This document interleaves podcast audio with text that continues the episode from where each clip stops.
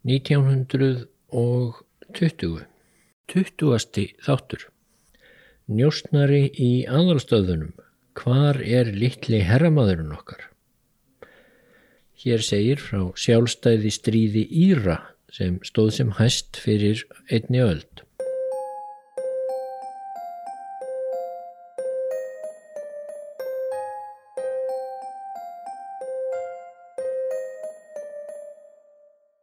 Þann 17. februar 1957 þá andaðist sjötug kona á sjúkrahúsi í Döblin á Írlandi eftir skammalegu. Dauði hennar vakti enga aðtikli en það var þetta hlétræg kona og óáleitin. Hún hafði búið við lítinn viðbúnað í litlu raðhúsi í útkverfinu Drömnach, söð vestur af miðborg Döblinar. Nágrannarnir höfðu ekki mikið af henn að segja en var vel við hana svo langt sem það náði en það hafði gamla konan verið brósmild og vingjarlegi í fasi en sagði reyndar fátt og allra síst um sjálfa sig. Hún hafði vist alla tíð verið ógift og engin í göttunni vissi annað en hún væri líka barnlaus. Rítari einhver staðar, líklega hjá einhverju ofnberi stopnun, það myndi hún hafa verið þánga til hún settist í helgan stein fyrir fimm árum. Þetta var eiginlega allt það sem nákvæmannir vissu. En hingað og þangað um döblin liftu fáinnir gamlir harðlindri menn brúnum þegar þeir lásu fáhorða tilkynningu í blöðum um að Lili Mernin væri dáin. Og þeir hugsuðunari 40 ár aftur í tíman þegar litli herramadurinn færði þeim upplýsingar sem gerði þeim klift að framkvæma eitt voðalegt verk í langri og blóðugri sögu Írlands. Þeir voru ekki margir þessir gömlu menn sem liftu brúnum því starf litla herramannsins hafði alla tíð farið mjög leint.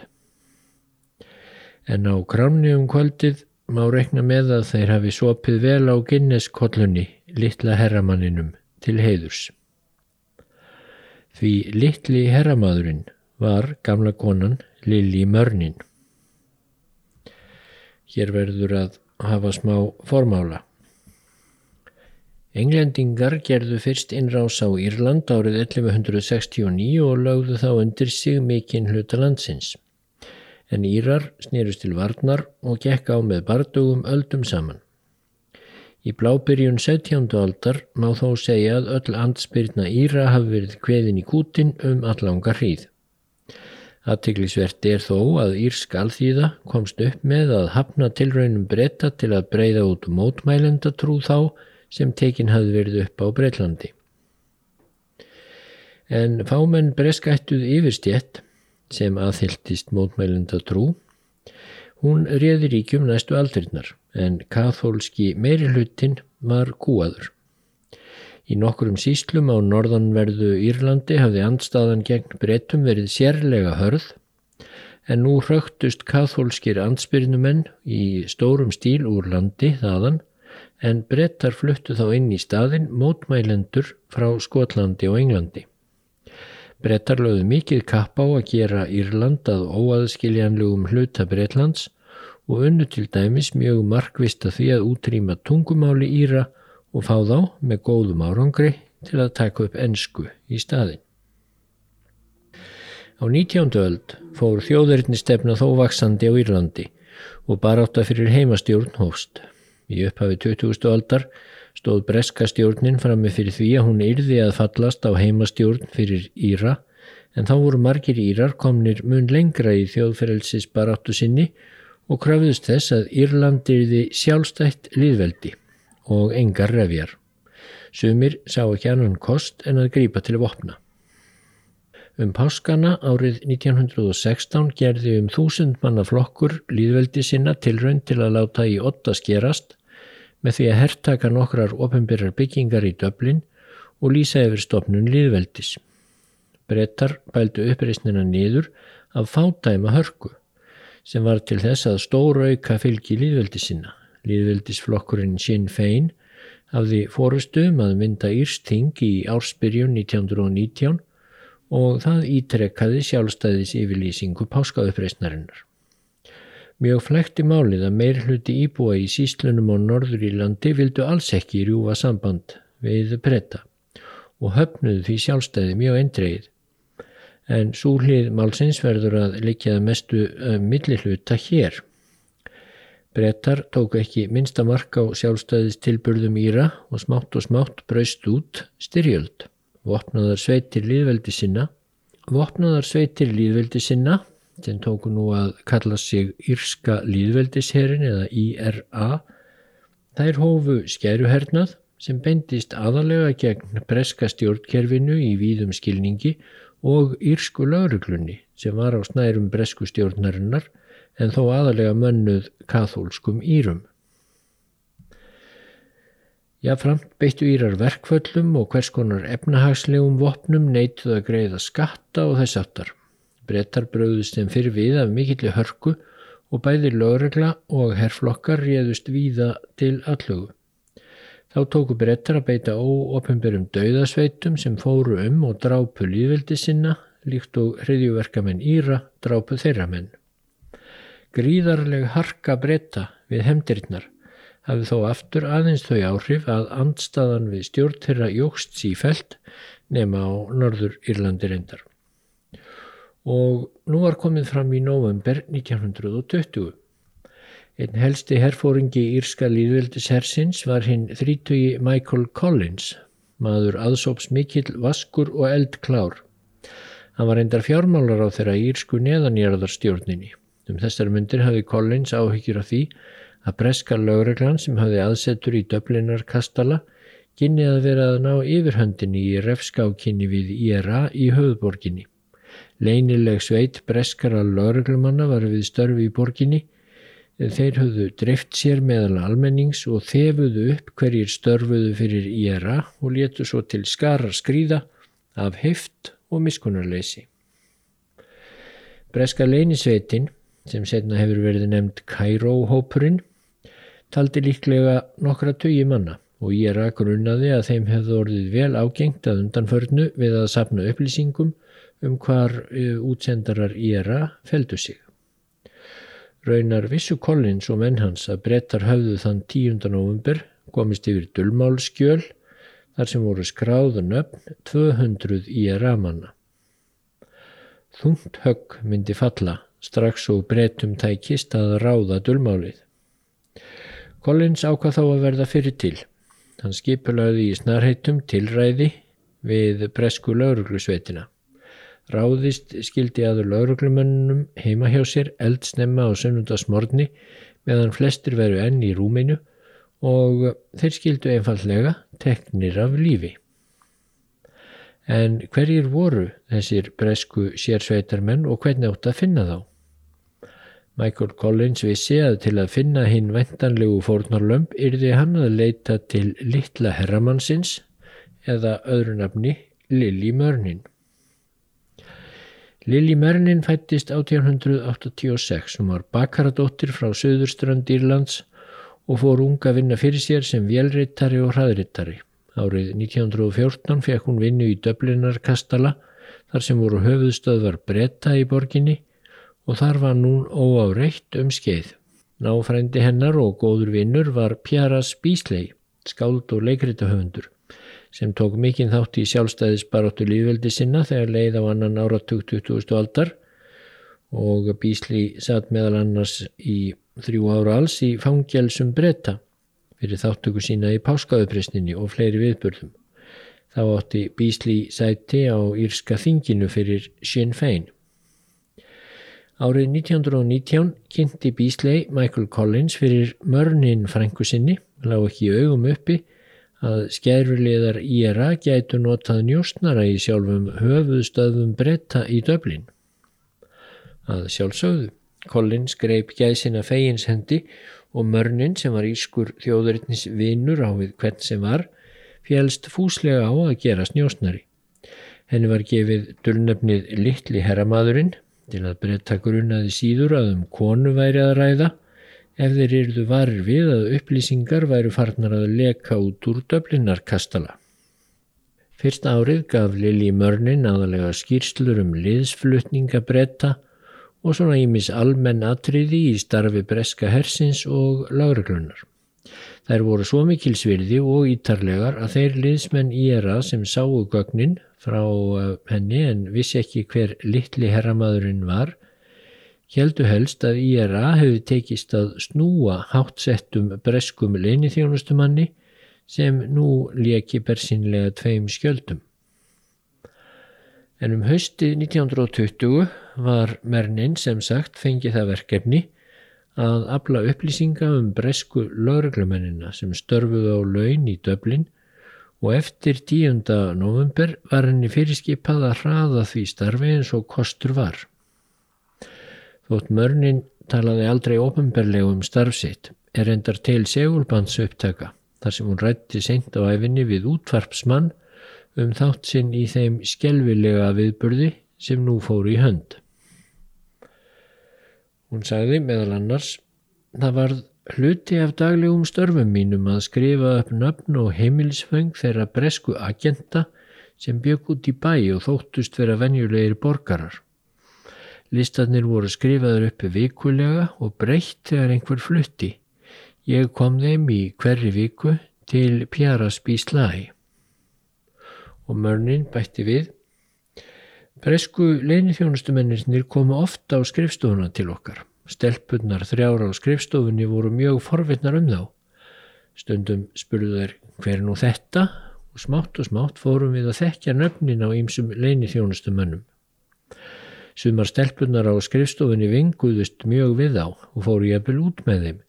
Þegar við fórum svo að kæfta saman var hægt að fá hilmiklar upplýsingar um ferðir þeirra, ímislegt sem þeir sögðu og gerðu, hvaða krár þeir sóttu, hvernig bíla þeir kerðu og þess áttar. Allar upplýsingar af þessu tægi sem ég viðaði að mér sendi ég strax til leini þjónustu IRA. Einu sinni fekk Tom Cullen, einn helsti aðstóðarmadur Michael Collins, Lili Mörnin til að koma með sér á fótboltaleik og benda sér svo lítið bæri á á þá bresku agenda sem hún hafði séð í Dublin-kastala. Og þegar ég fór að kynast breska varaliðinu betur, sað hún, þá fór ég með hátsettum í að ramanni á nokkur kaffihús til að bendunum á þá varaliðsmenn sem ég þekkti í sjón. Mörnin var þá orðin sérlegur reytari majórsnokkurs sem var einn helsti leini þjónustu fóringi bretta. Í ramannum fannst mörnin nú svo mikilvæg að henni var fengin líkill að litlu herbergi í húsi við Klonleif eh, Rót þar sem beðinnar reytfél. Þangað fór hún reglulega til að skrifa upp skýrslur og koma gögnum á leðis.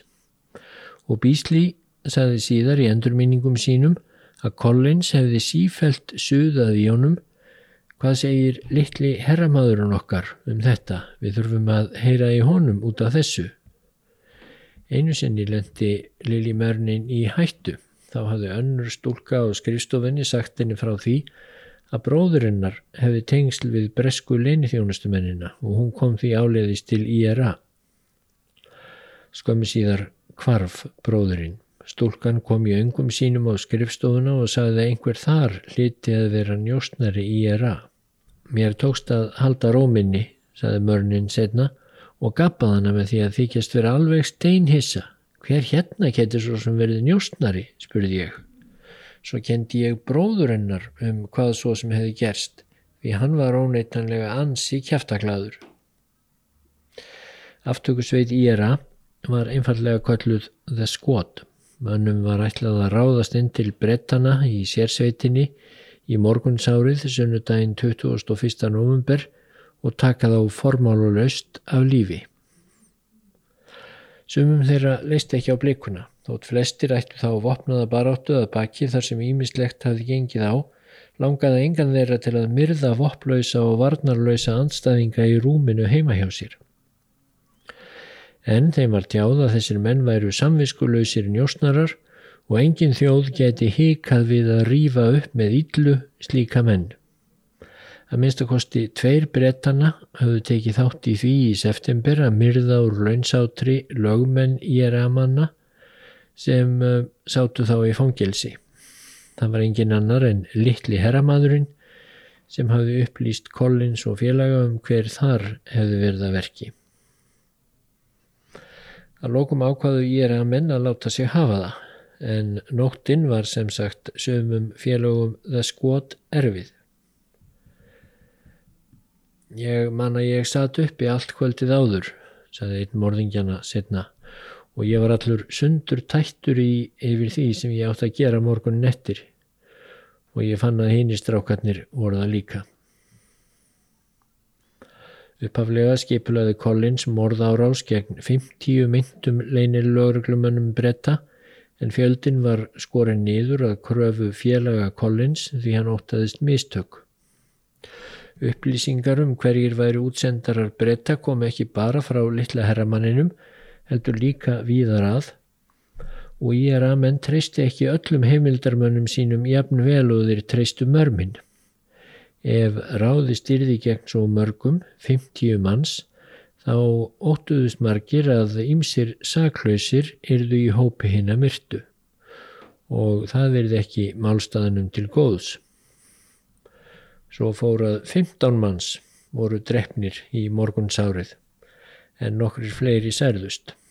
Flestallir voru enni í rúminu þegar þeir voru ímist skotnir formála löst eða sagt að þeir eruðu leitir á fund IRA en uh, þeir síðan myrtir á leiðinni út úr íbúðum sínum. Talið er að að minnstakosti tveir af þessum 15 hafi svo að reynst vera óbreyttir borgarar sem ekki komu bresku leinithjónustunni, írsku lauruglunni eða varaliði hennar á nokkurn hátt við.